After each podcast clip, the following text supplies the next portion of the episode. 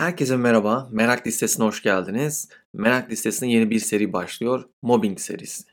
Bu seri aslında şuradan yola çıktı. Mobbing fark etmesek de aslında sanki böyle iş hayatının bir kültürü olmuş durumda. Yani havası gibi, nefes aldığınız her şeyin içerisinde mobbing var gibi.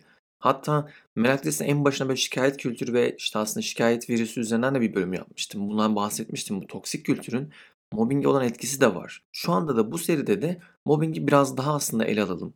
Mobbing nedir?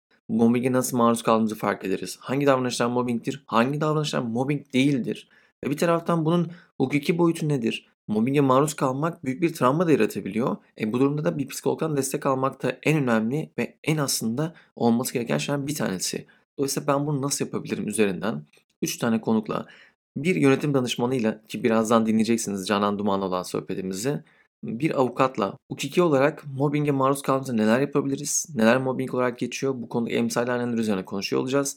Ve bir tane psikologla da mobbinge maruz kaldığımızda yaşadığımız travmaların bize yarattığı etkileri nasıl aslında görüp fark edip bu konuda nasıl destek almalıyız bunu konuşuyor olacağım. Ve 3 bölüm boyunca bu devam edecek. Ben bu üç serinin önemli olduğunu düşünüyorum çünkü gerçekten de mobbinge maruz kaldığımızı çoğunlukla fark etmeyebiliyoruz. O yüzden bence dinlerken notlar alacaksınız kesinlikle. Eğer sorularınız olursa, fazlası olursa bana iletirseniz belki bir dördüncü bölüme de ihtiyaç doğabilir. O zaman belki de dördüncü bölümü de sizin önerinize beraber oluştururuz.